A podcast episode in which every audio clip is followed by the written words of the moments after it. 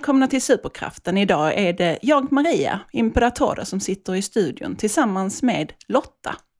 Hej! Hej! Välkommen till oss! Tack så mycket! Känns lite speciellt idag faktiskt, för det här är någonting som jag, med många andra, har funderat mycket över. Vi ska prata om jourhem. Ja, det stämmer. Mm. Och du har pysslat med detta i många år. Ja, ganska många år. Ja. Hur började det? Eh, det började med att våra vuxna barn hade flyttat hemifrån och jag kände speciellt i mitt hjärta att jag hade mycket, mycket mer kvar att ge till, mm. till barn. Och eh, tanken har alltid funnits att jag vill jobba med barn som kanske har lite problem. Eh, men det har inte passat när våra barn var små, för vi har tre vuxna barn som sagt och det var full rulle när de var små. Så när de flyttade så tog jag tag i saken och eh, ringde runt faktiskt eh, till olika eh, familjehem och, eller socialförvaltningen. Eh, men det vi fastnade för var faktiskt att de privata eh, hade mycket, mycket mer att erbjuda än de kommunala. De har ju jour dygnet runt där man kan få hjälp. Så jag gick in och läste lite och så. Och ringde runt och fick eh, pratat med en eh, fantastisk kvinna som heter Tanja Webster. Och eh, jag pratade med henne på telefon och hon ville jättegärna att vi skulle träffas. Och då hade vi samtal. Och det var så det började. Att vi blev eh, familjehem, eller jourhem som det heter. Vad är skillnaden på jourhem och familjehem? Eh, familjehem, då har man oftast barnet stadigvarande på uppväxt. Från de kanske är små till de är myndiga, till de klarar sig själv. Mm. Eh, jourfamilj, då har man barnen mellan fyra till sex månader. Men oftast brukar det bli längre, det kan bli upp till ett år. Ja. Så då skriver man avtal att man har barnen eh, som jourfamilj istället. Sen finns det ju de som är jourfamilj, eh, har kanske varit det och haft samma barn kanske ett år och inte vill lämna ifrån sig barnen och känner att nej, det här kan vi liksom ha som vårt eget barn. Eh, och då kan man ändra det och bli familjehem. Aha. Men då förlorar de ju ett jourhem. Mm. Mm. Så det är ju viktigt att det finns både och. Mm. Hur lång, långt, lång tid tog det här från att du började leta till att du faktiskt hade ett barn hemma hos dig? Eh, vi gick en utbildning på två månader också. Och eh, det är viktigt att man går den utbildningen innan man tar emot barnet. Eh, för att där får du liksom verktyg som du, du kan jobba med.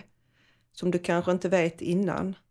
Alltså även om du läser böcker så, så är det viktigt att man går, för, för där träffar du andra som mm. kanske jobbar som familje med hem eller jourhem. Eh, men även är där kunnig personal. Och vi gick utbildning på två månader och fick lära oss jättemycket. Så, och det tog vi med oss och därefter började vi, så sammanlagt tog det nog nästan ett år innan vi var redo. Ah, För vi gick på olika föreläsningar och sånt som de har också. Mm. Så ett år.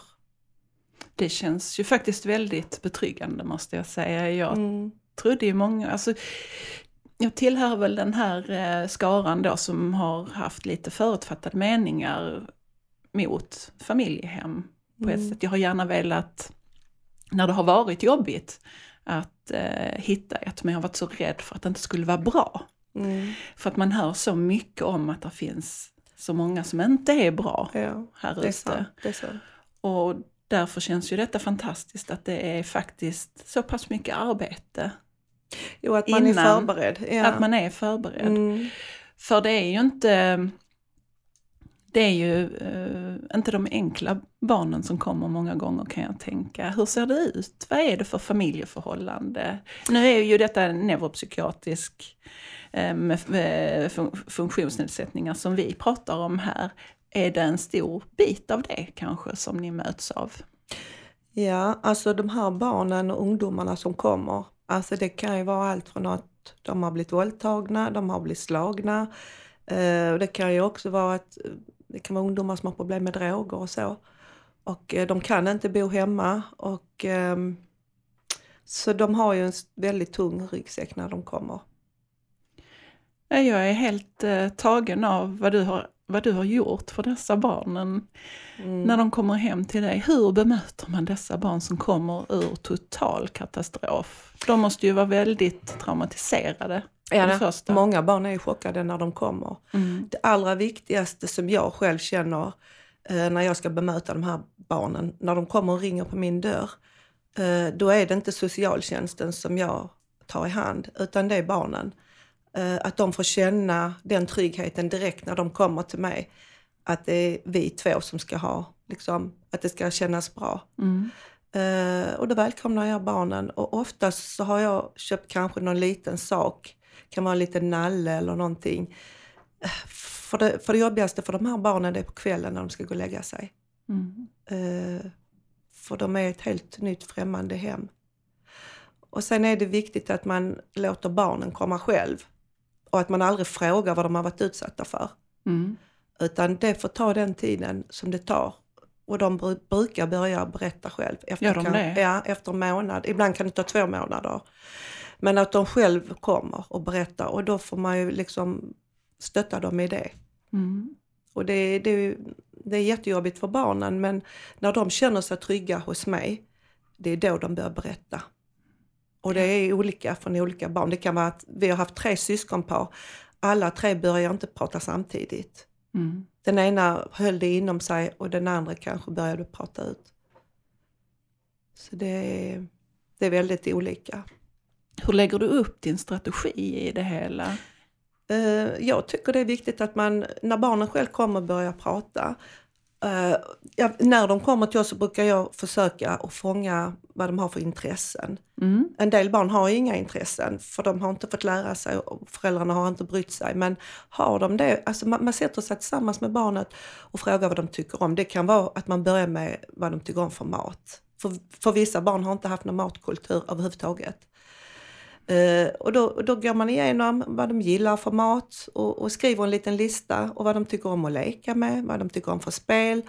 Och sen så följer man lite grann efter barnets uh, tycke, mm. vad de tycker om. Och det brukar funka. Mm. Och att man även varje kväll, tycker jag är viktigt om det är mindre barn, att man läser en saga för dem tillsammans så att, man, att de känner närheten. Mm. Det är jätte, jätteviktigt. Och en del barn vill att man ska ligga hos dem till de somnar och de kan vara 10 år, 12 år. Men eh, det, det funkar faktiskt att man sitter där och pratar med dem till de känner sig trygga. Mm. Då pratar vi om de som är djupt eh, traumatiserade också här nu. Eh, känns det som vad de, om de har varit utsatta för slag och våldtäkt och så mm. här. Om vi mm. pratar till barn som kommer, för det måste väl finnas någon som kommer från bra hem också? Ja, det vet man ju inte. Nej, det vet man inte från början kanske. Man får eh, kanske inte den informationen. Nej, eh, oftast får man ju lite information. Mm. Men när sen man har haft barnet så pratar de helt annat. Då är det inte riktigt det vi har fått besked på från socialen. Aha. Socialen kanske säger att här är barn som har um, sett en mamma blivit våldtagen. Mm. Så därför ska ni ha barnen. Men när vi sen har haft barnen kanske två månader så börjar barnen berätta att de har också blivit våldtagna. Och det, det är ingenting som vi visste. Och hade vi visst det innan, mm. då hade man kanske kunnat vara beredd och kanske haft jag tycker det är viktigt att barnen får psykologhjälp eller kurator och läkarvård och så här. Då hade man kunnat säga till socialen att jag vill att barnen ska ha ett läkarbesök till exempel. Mm. Eller att de ska ha fått en tid till kuratorn. Sen kan ju vi gå med dem. Mm. Men ingenting av det kanske man får. Så då vet man ingenting om det.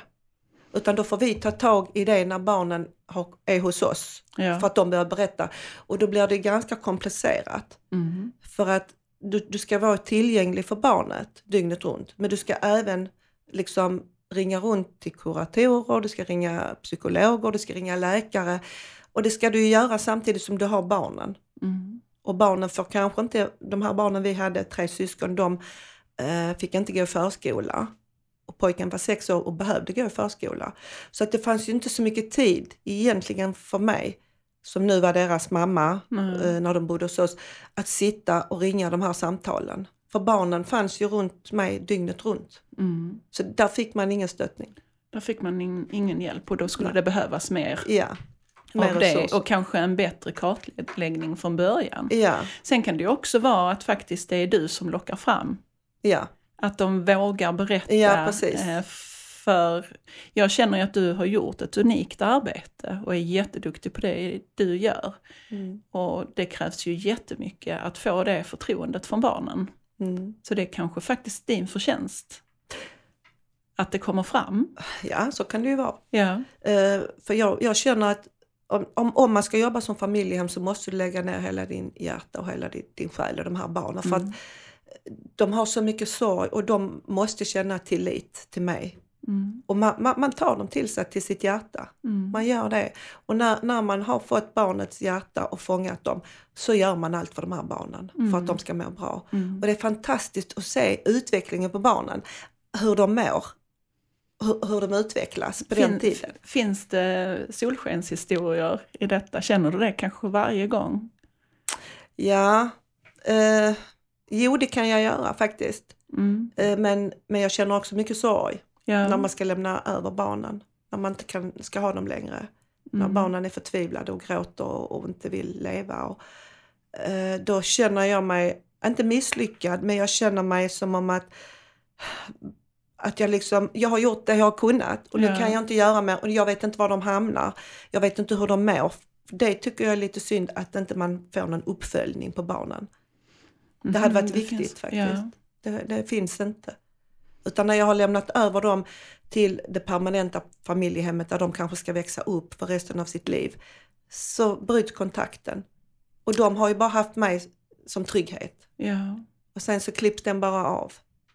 Det, det, det måste ju vara hemskt för barnet också. Mm. För jag är ju vuxen, jag kan kanske hantera det på ett annat sätt men ett barn, det kan ta lång tid. Mm. För det kan sätta väldigt djupa spår. Mm. Så jag tycker att man skulle ha en lite mjukare övergång. Att man hade skolat in, att jag då som jourhem hade varit med och skolat in barnet i det nya Mm. familjehemmet i lugn och ro kanske några veckor. Ja. Men det finns inte eh, i socialens, alltså, eh, hur ska man nu säga? Agenda. Nej, det finns inte Nej, i deras, eh, vad jag har hört så finns inte det. Det här är ju jätteviktigt att lyfta Mm. och få fram. Mm. Vi lämnade ett litet barn också, vi hade haft mamma barnplacering i åtta månader. Och det här lilla barnet, eh, han, eh, han- han, han tyckte ju, alltså, han, han tydde sig till mig för jag var ju liksom hans, han, han knö, knöt an till mig eftersom han hade bott hos oss i åtta månader. Och mamman hon, eh, hon kom och gick lite sådär som hon ville så ibland var hon Mm. borta kanske två, tre veckor. Så, så barnen blev ju lite splittrat där men, men han hade en fast punkt för han bodde ju hos oss. Mm. Så vi lämnade ju aldrig honom utan det var mamman som gick och kom och så. Så han, han började knyta an till mig då. Och eh, sen fick vi reda på att han skulle eh, till eh, ett, ett permanent familjehem. Och eh, jag har även en son som heter Johan som eh, är gay och bor tillsammans med en, med, med en sambo, John heter han. Eh, de har ju gärna velat ha barn och ville ha barn och John som själv är adopterad från Colombia, han föreslog adoption. Eh, och jag vet inte, de har inte varit helt eniga. Men när de träffade den här lille killen som vi hade som jourhem så blev de så förälskade i honom. Mm. Och han var väldigt glad för dem också. Och vi, de bor i Stockholm och vi åkte ju till Stockholm med den här lille killen. För han bodde ju hos oss dygnet runt och, och eh, vi var och hälsade på Johan och John ofta. Och de var hos oss.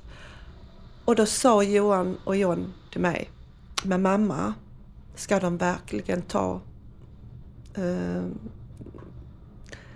ja, den här lilla killen ifrån er nu?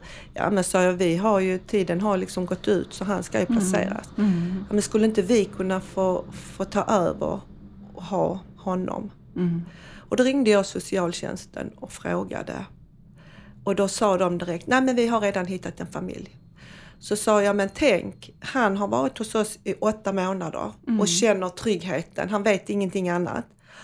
Tänk så fantastiskt, här är ett par som verkligen älskar det här lilla barnet och har lärt känna honom. Och jag hade ju kunnat bli farmor Mm. till honom. Det, det kan inte bli bättre. Men, men så tänkte inte de. Nej. Utan då blev det att vi fick åka och lämna honom ute på landet. Och det var ingen inskolning, ingenting.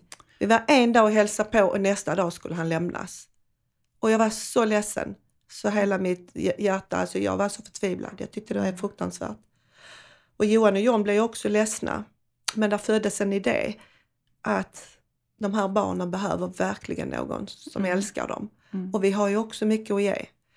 Så, så de beslöt sig för att bli familjehem. Så idag har de en liten flicka Nej, som är helt fantastiskt. Och jag är farmor till henne, lilla Nu är du Miriam. farmor. Ja. Mm. Ja, det är helt underbart. Och vad härligt. Mm. Men det har ju, de har ju nästan startat en liten trend eller vad man ska säga. De har väl Mm. kommit igång med på Instagram va? med Ja. pappa, pappa, Pappa, dotter. pappa, dotter ja. Ja, Och eh, gå in och, och läs om det. Det är fantastiskt. ja. Vilken resa de också har gjort. Mm. Ja, det öppnar ju verkligen. Mm. Nya dörrar. Ja, det gör det. Och kanske många som, som känner att det ska vara det här stereotypa, gamla, vanliga liksom. Men det finns faktiskt att man kan hitta andra vägar i det. Ja, alltså om du ska vara familjehem eller jourhem så behöver du ju inte vara, som du sa, det här traditionella att, man ska vara ett gift par. Eh, utan du kan vara ensamstående, du kan, du kan vara gaypar, alltså samkönade, det går lika bra. Mm. För bara där finns ett gott hjärta och trygghet som Mm. du kan ge barnen så, så är det ju det de behöver. Absolut. Så att, eh, nej, alltså här är öppnar dörrar för de här barnen. De behöver lika mycket som om du skulle adoptera ett barn. Mm.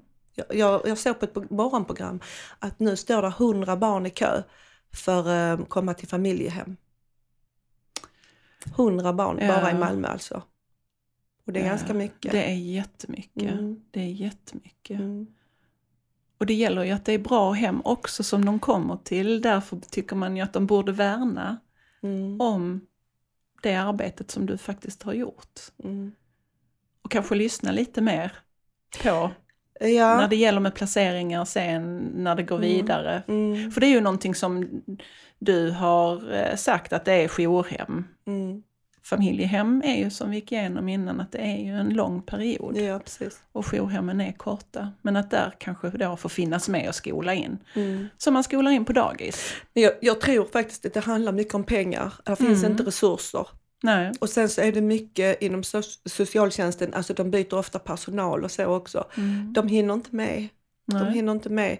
Så att jag tror inte de har så mycket tid i heller att fokusera på oss som är familjehem och jourhem, va, alltså vad, vi- vad vi önskar. Mm. Utan de vill ju bara placera barnen snabbt som ögat liksom. Mm. Och därför blir det ibland fel familjehem som barnen kommer till. Mm. Och vissa barn har ju fått hoppa runt från den ena till den andra innan de kommer till rätt. Mm. Och det är inte rätt mot barnet. Det är jätteviktigt att familjehemmen går sina utbildningar och att de är redo. Att det är inte bara ringa och säga jag vill bli familjehem och sen så har de haft ett barn kanske ett par veckor och säger nej det var ingenting för mig. Mm. Det här är alltså ingen, det här är ingen vara som man Nej. ska byta efter en vecka utan det här Nej. är barn. Mm. Ja men det här är ett riktigt arbete som Ja. du utför Mm. och barnen kommer i krissituation Ja. och ska hålla samman och få, få ett, en bra start på livet. Ehm, Och det här är ju liksom, det kvittar vad man har för jobb, för har man ett arbete så måste man gå fullt ut mm, och, och gå in för det och Mm. göra det som ska göras. mm, Det är lika viktigt om det är familjehem. Det är inte bara att du har eh, ett barn hemma och, och, och tror liksom bara att "Ah, ja, den sköter sig själv. mm, Utan du får lägga ner så mycket tid och så mycket hjärta men det är värt allt kan jag säga. Mm. Det är fantastiskt. mm, Det är så fantastiskt med de här barnen. Och det viktiga också som jag tycker när man får barnen att de ska inte känna sig udda. Du, alltså, jag som familjehem måste ju se till så att barnen känner sig som vilket barn som helst. De ska inte, de, de ska inte sorteras ut. Och det är jätteviktigt att man hela tiden pratar med barnen som om att de är vad vilket barn som helst i, i sin familj. För det är många som är familjehem som har egna barn. Att man inte särbehandlar dem. nej precis. Det är jätte, jätteviktigt. Utan alla har lika värde. Alla har lika värde och vi hade syskonpar och pojkarna var sex år och hade blöja när han kom till oss. Och jag, han, de hade varit ett annat familjehem och jag sa det att här finns inga blöjor hos Lotta. Ja, men hon sa det där de var innan, att jag ska ha blöja. Nej, men sa jag, du behöver inte det. Han bajsade på sig, det gjorde han. Men om man inte tar av den här blöjan och börjar Mm. vänja han av med det så blir det ju att han blir ju för det första utmobbad i skolan. Mm. Han var sex år. Mm. För man, barn som är sex år har normalt inte blöja. Nej. Då kommer man inte in liksom, och känner sig som en i mängden. Så jag sa det, men vi tar bort den, det behövs inte. Då var det ju min uppgift att se till och påminna hela tiden toaletten, toaletten. Och jag ska lova dig, efter en och en halv månad hade han inga diarréer, ingenting. Han kallade på mig, Lotta, Lotta, titta det har kommit en bajskorv. Han var så lycklig. Och vi skrattade tillsammans. Ja, Det var fantastiskt den dagen. Mm. Det var en sån stor grej för honom Mm. att det var inget löst bajs. Mm. Och jag sa det, du är så duktig, så duktig. Mm. Och varje kväll hade jag en äggklocka och den satte vi, för han sa, men jag behöver inte bajsa, men vi provar innan vi lägger oss. Nej, det behövs inte. Men så nu sätter vi denna klockan. Satte vi den på 10 minuter och så hämtade vi böcker. Så satt han i lugn och ro, jag stängde dörren så sa nu sitter du 10 minuter. När klockan ringer så tittar vi. Mm. Och ibland så tog det fem minuter. Lotta, Lotta kom, kom! Och, och då, var, då var det klart. Och så gjorde vi varje kväll. Ja. Sen var, sen, det var inget problem sen. Han, han blev topp en och en halv månad. Det var så fantastiskt. Och han hade Ja, haft denna blöjan i det andra familjehemmet i åtta månader. För de hade bott där innan alla tre. Och då kan man ju tänka, Men, varför har inte hon mm. gjort någonting Mm. och tagit tag i det? Ja men för det, det är ju där ansvaret ligger då Ja, faktiskt. det var Så helt... ni har ju ett oerhört stort ansvar Mm, till dessa barn Mm. som då kommer från trasiga mm. familjeförhållanden. Men jag tror många familjehem kanske inte orkar ta tag i barnens problem. Men då undrar man varför tar man emot barnen? Mm. Jag tror många faktiskt gör det för pengarna. Mm. För- det är så. Ja, Mm. jag, jag tror Mm. faktiskt det. Och det är det som är det viktiga, att man fångar upp och, och liksom går igenom familjehemmen innan. Mm. Alltså, så att de gör det från sitt hjärta och inte för pengar. Precis. Finns det typ, har ni en sån här eh, förening eller någonting där ni möts upp och har Eh, utbildningar eller något sådant? Eh, ja, det var så här att när vi gick på utbildningen så fick vi en lista som man kunde träffa varandra. Mm. Men faktum var att det var ingen som bodde i Malmö Mhm. som, som vi kunde träffa. Så det var, det var lite synd. Men vi har varit på en sammanträff, men det var ju alltså hon som vi jobbar med, Tanja Webster, som anordnade en eller två gånger om året. Då tog hon och samlade alla jourhem och familjehem. Mm. Eh, Så vi träffades på eh, julfest och, och lite så samkväm. Det var jättetrevligt. Och så Mm. hade hon en gång i månaden att vi träffades också. Och då fick vi sitta och prata liksom, till varandra och, och ge varandra tips och råd. Men för att jag kan tänka att det, ni får höra hemska historier, ni får säkert uppleva en del tillsammans med Mm, barnen som kan mm. vara jobbigt för alla parter. Mm. Det borde ju vara någonting att man kanske fick lov att prata med någon professionell. Mm. Nej, Det finns det inte. nej. Då, då får du gå till din handledare. Ja. Det är hon du ska ringa till om det är någonting. Mm. För ni måste ju vara med om otroliga saker. Det här Ja. är ett enormt arbete som ni gör. Ja, alltså jag, jag tycker om man ska bli familjehem så bör det vara en, om man är alltså gift, Mm. så tycker jag, eller om man är sambo, så tycker jag att en bör vara hemma på heltid. Mm. För det kommer inte funka annars. Det gör det inte. Det är jätte, jätteviktigt för det, det är så Mm. mycket du måste lägga ner. Mm. Och du ska gå på alla skolmöten och sånt också och, och, och verkligen gå in Mm. för de här barnen. Att det, ska gå, det är det allra bästa för dem. Mm. Och jag tror nog att man lägger nog mer tid på dem än på sina egna. Så det är också viktigt att man inte glömmer bort sina egna barn om man har hemmaboende barn. Precis, Mm. precis. Så det är viktigt att tänka igenom. För vår del så passade när våra barn hade flyttat hemifrån. Mm. För då, har, då kan du lägga all fokus på de barnen. Mm. Jag tror det är rätt så sunt För tänk. de, ja, för de, faktiskt. de tar mycket energi men de ger faktiskt väldigt mycket glädje. Mm. Mm. Fantastiskt. Man, man sitter tillsammans med dem på kvällarna och man gråter och vi kramas. Alltså det är helt fantastiskt. Mm. För man, man kan ju tänka vad de har gått igenom. Mm. Uh, sådana hemska saker. Ja men man måste ju se lidelsen i deras små ögon bara. Ja det gör man, men man ser också glädjen när de börjar känna sig trygga. Ja. Mm, bara att gå ut och köpa kläder till dem, det var fantastiskt. Oh, Lotta, får vi verkligen det? Får vi verkligen den klänningen och får vi de byxorna? Och så? Ja, så det får ni. För vissa barn har ingenting när de kommer. De har mm. kanske bara de kläderna de står i just då. För vi hade syskon, eh, tre stycken, och de hade kläder med sig men de kom från ett annat familjehem där det bara var inslängt deras kläder i säckar, sopsäckar. Mm. Och då kan jag tycka att de här barnen inte värda mer än en sopsäck. Mm. Det tyckte jag var fruktansvärt. Mm. Och allting låg huller om buller och det var rent håligt och det var för smått. Och pojken hade gummistövlar som var två nummer för små. Så vi fick åka ut dagen efter och köpa skor och stövlar till alla barnen. Och så nya kläder. Och han som hade problem med avföringen, det var ju tio kalsonger direkt man fick köpa. Många, där de har varit innan tyckte det väl var kanske mer praktiskt att bara sätta på en blöja, så var det klart. Mm. Men, men då hjälper det ju inte barnet. Nej. Detta låter inte som Sverige. Nej, detta är dagens Sverige. Fruktansvärt. Jag trodde inte heller det fanns. Från vi har upplevt detta. Ja. Och det är jättebeklämmande. Mm. Vad hemskt. Jag tänkte lite så här, eh, just om vi kan komma tillbaka till specifika fall och jag tänker just hur man bemöter. Eh, om vi kommer in på eh, diagnoser. Mm. Så har du haft några med diagnoser. Ja. Mm. Hur såg det ut? Hur så, och vad var det för diagnoser?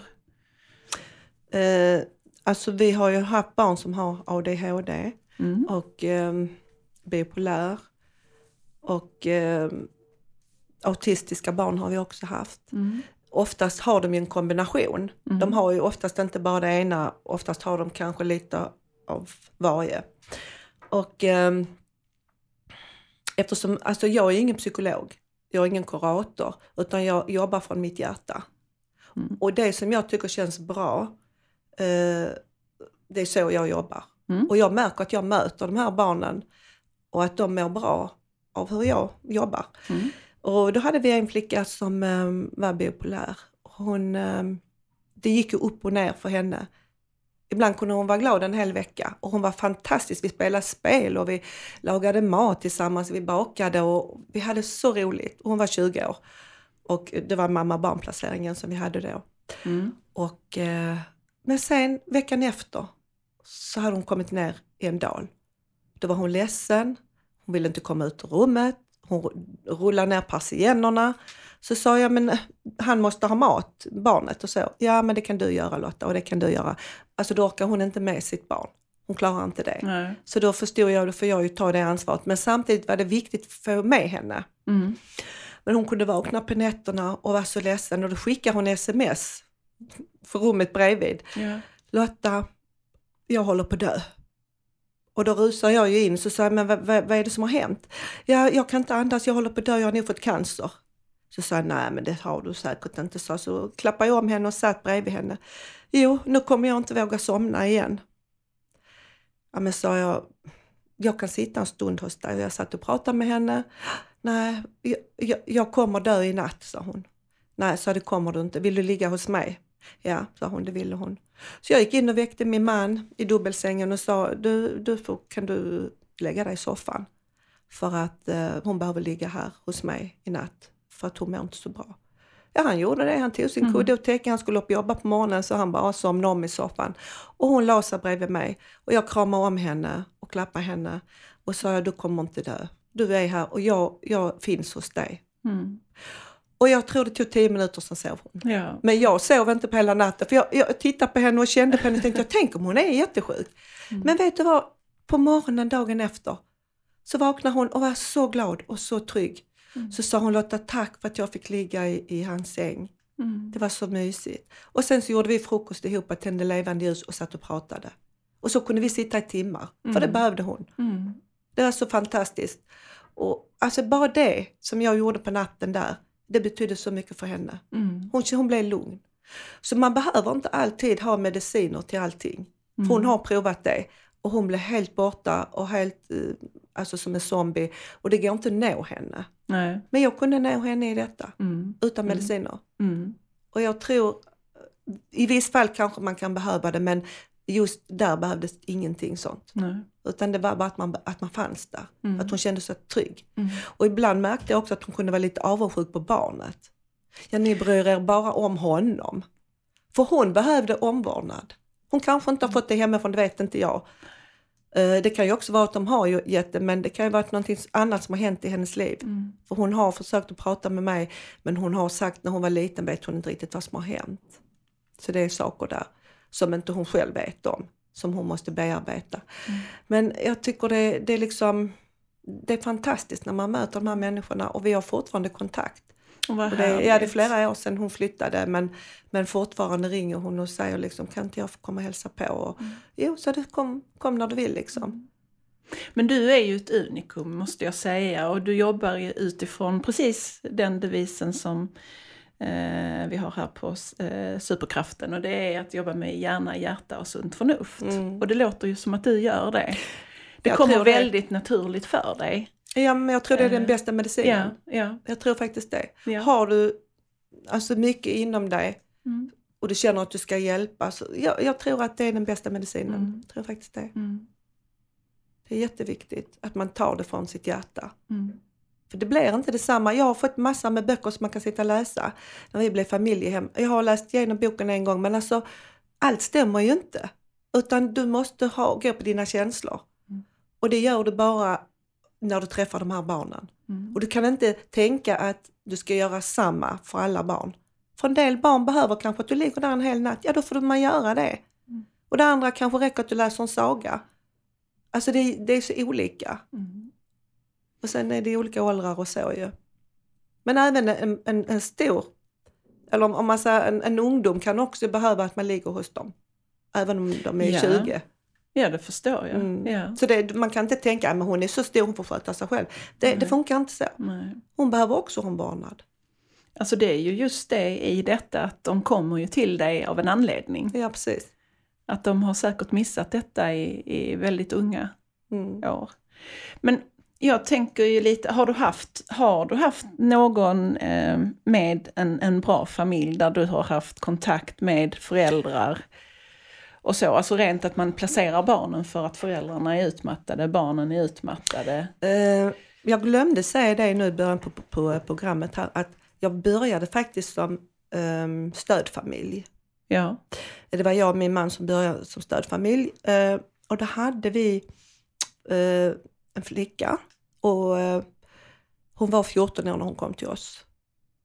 Eh, idag är hon 20 men vi, vi har fortfarande kontakt. Mm. Eh, och sen har vi haft någon pojke och, och ja, vi har haft ett par stycken innan också. Men eh, vi började som stödfamilj för att vi ville känna oss för först. Mm. Och stödfamilj innebär då att man har kanske dem en helg i månaden bara. Att de sover över en natt. Och ibland kan det vara att man har att de sover två nätter. Men vi hade henne och hon sov en natt. Och hon har ADHD och lite eh, autistiska drag. Men det är en fantastisk tjej detta. Och ehm, hon har ju inte, alltså där, där har vi haft kontakt med föräldrarna. Det är Mm. det jag vill komma fram till. Mm. Eh, fantastiska föräldrar och de har bara den här flickan. Mm. Hon heter Emily och det kan jag säga. Och jag hoppas att hon kommer att lyssna på detta sen för det kommer hon att göra. Ja. Eh, och eh, henne, hon har fantastiska föräldrar. Eh, både mamma och pappa. Och vi är alltid inbjudna när Emily fyller år. Och vi, eh, vi, även studenten och så där var vi inbjudna och fick träffa hennes släkt, hennes vänner och hennes mormor och morfar har vi träffat. För Emily vill att vi ska vara en, alltså en del av familjen. Så vi har ju blivit det. Och de är härligt. fantastiska föräldrarna och det är väl lite avlastning. Ja. Emily behöver komma ifrån dem lite och de behöver komma från henne. Mm. Så då hittar de oss och vi hittar ju henne genom att eh, det var ju Malmö stad då som ringde upp och Ja. frågade och sa att de hade en flicka som hette Emelie. Så hon fick komma och då var ju mamma med också ju. Mm. Och vi, det kändes bara så bra när hon kom. Hon var som en, eh, liksom en fläkt som kom in i vårt hem. Hon pigg och glad och väldigt sådär. Mm. Pratar mycket och alltid glad och, och trevlig. Mm. Och vi gör väldigt mycket ihop. Vi- bakar och fikar och tittar på film och, och sådana saker. Mm.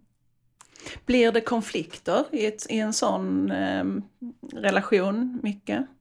Vi har aldrig haft konflikter med Emily, eh, för hon, vi är bara stödfamilj så det är inte, Ja. man har inte henne så ofta. Nej. Men när man är eh, jourfamilj så kunde det bli lite konflikter eh, när vi hade mamma barnplacering. Mm. Eh, för hon var ju 20 år. Mm. Mm. För vi kunde ju säga saker som vi tycker, till exempel att vi vill inte att du går ut ikväll. För vi Mm. visste kanske vad hon hade för kompisar. Mm. Ja men då skulle vi skita i det och sånt. Mm. Och, och vi, egentligen är det så här när man har mamma barnplacering så var det egentligen barnet som vi skulle, det var ju han som vi skulle ta hand om. Mm. Men eftersom hon hade, alltså bodde ju med honom från början så eh, behövde hon också placeras. Mm.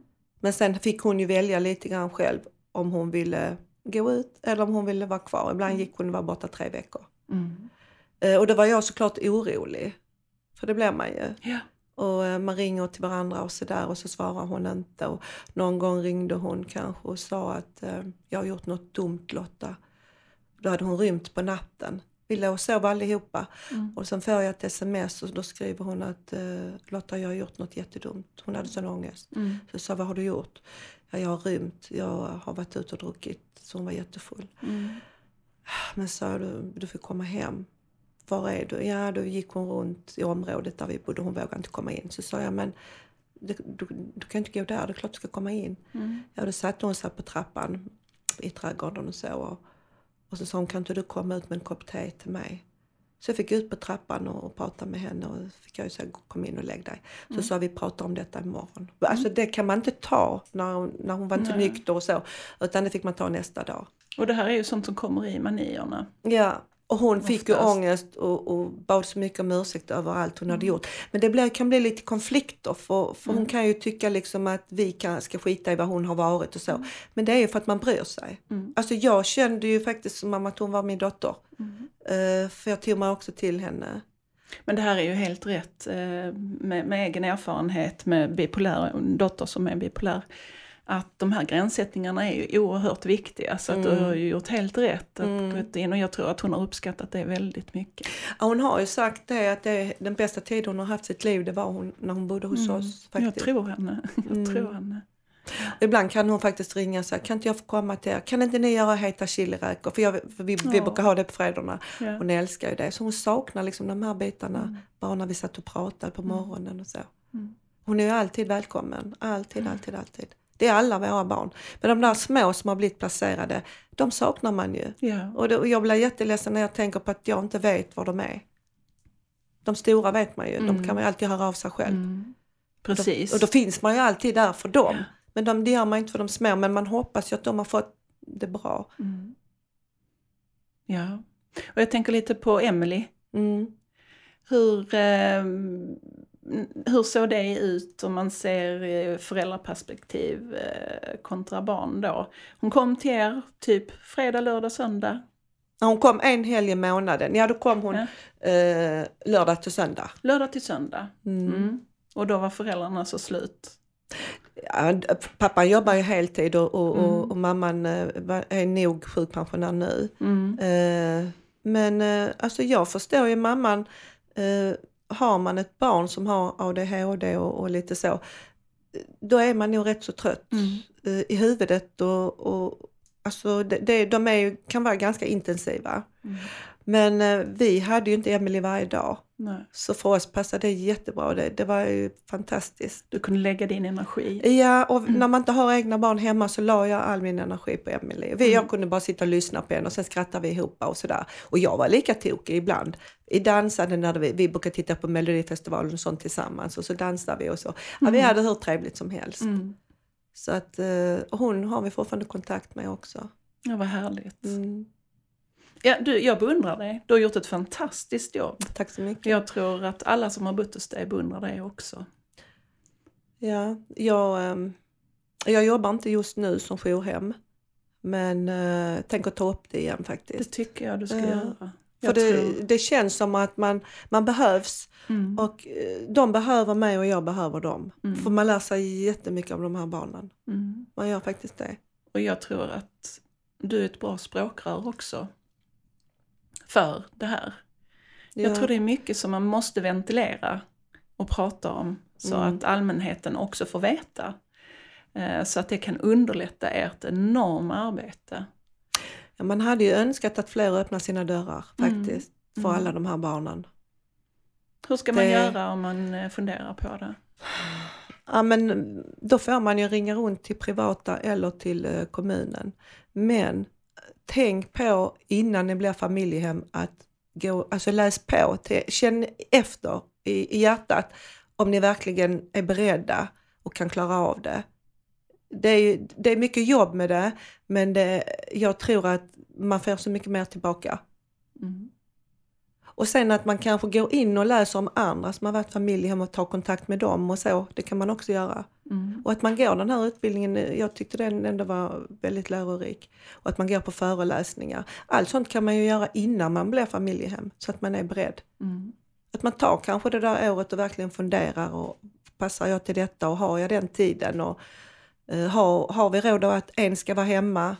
Det är också viktigt. Mm. Ja men jag tror det här är ju precis som när man skaffar egna barn eller eh, Mm. man skaffar eh, ett djur. Ja, det, men det, är det, det är inte, det det är inte så jag menar. Nej. Men eh, det är, man kan inte bara skaffa någonting och sen så Nej, lämna tillbaka Alltså det det. kan man inte göra. Nej, det här är levande människor och, Ja. och, och de, det kan man inte lämna tillbaka efter en Nej, vecka. Man nej. måste tänka till mer än en gång. Och det är ju så Precis. sak som, som du pratar om djur, man ska ha en hundvalp eller någonting. Ja men eh, alla barn eller hund, alltså alla det är, en, Mm. det är, ett ett liv. levande, Mm, det är liv. så är det. Så att Mm. eh, man måste verkligen rannsaka sig själv och gå igenom Mm. det och sen så börja med Mm. Och Men, ta jag de tror, här kontakterna. men jag tror det finns många människor ute som är perfekta att bli familjehem. Mm. Men de kanske inte vågar ta första steget. Nej. Så det är jätteviktigt att man liksom kanske kommer i kontakt med någon som har varit familjehem Mm. eller är familjehem eller jourhem. Mm. Så att man kanske kan diskutera lite grann. Har du någon sida som man kan hitta dig på? Mm, Nej, jag har ju inte det eh, faktiskt. Nej. Men ehm, du kan ju faktiskt få lov att lägga ut mitt nummer och så. Om det är någon som vill kontakta mig. Så kan jag ju Mm. berätta mer om det. Mm. Hur de ska gå tillväga och så. Ja. Ehm, vi, ehm, Vi prata vi om- pratar om det och i alla Mm. annat fall så får man kontakta genom superkraften. Ja, precis. Det låter fantastiskt bra. Eh, ja, Mm. så att det, det löser vi. Det är jättesnällt av dig att du vill Mm. ställa upp. Ja, men det gör jag jättegärna. Ehm, och som sagt, jag tror att de saknar dig. Jag tror att du behövs där. eh, med det Mm. arbetet du har gjort och du kan göra vidare Mm. framöver. Ja, men det är ett fantastiskt jobb faktiskt. Mm. Det är det. Ja, ja, men det betvivlar jag inte. Det syns på dig att du lever för detta. Tack. Och roligt att din son också har, har börjat. Ja. ja, det är fantastiskt. Jag har blivit farmor till lilla Miriam. En Ja, underbar liten flicka. ja vad härligt. Och hon har fått det bästa hon kan få nu i livet. Ja. Faktiskt. Två pappor som älskar henne från hela sitt hjärta. Ja, det är helt De ljuvligt. Ja, det är fantastiskt. Så att då kan man gå in och följa dem på pappa, pappa, dotter som vi Ja. sa tidigare. Det. På Instagram. Mm. Mm. Ja, det ska ni få se Ja. med egna ögon hur fantastiska de är faktiskt. De ska gifta sig till nästa år så då blir det stort bröllop. Och då ska lilla Miriam vara tärna. Mm. Jag kan vad se det härligt. framför mig Ja. redan och jag bara, och jag Ja. bara längtar och längtar. Jag blir pigg. Mm. ja, jag tycker det här, alltså ett enormt stort tack till dig. Ja, tack själv för att jag fick komma. Det var ja. Och du är välkommen igen. Ja, tack snälla. Jättevälkommen. Tack Maria. Eh, vi pratar vidare. Ja, det gör vi. Och till alla er som har lyssnat här så vill jag önska god jul och gott nytt år och att ni följer med oss på nästa år. Vi har enormt många lyssnare och jag vill tacka er allihopa för att ni följer oss så troget. Vi är faktiskt snart uppe på 10 000 och det är helt fantastiskt. Det kunde jag inte riktigt räkna med för ett år sedan när jag startade här. Så det är fantastiskt. Så ha nu en riktigt god jul och gott nytt år och ta hand om er och era barn. Hej!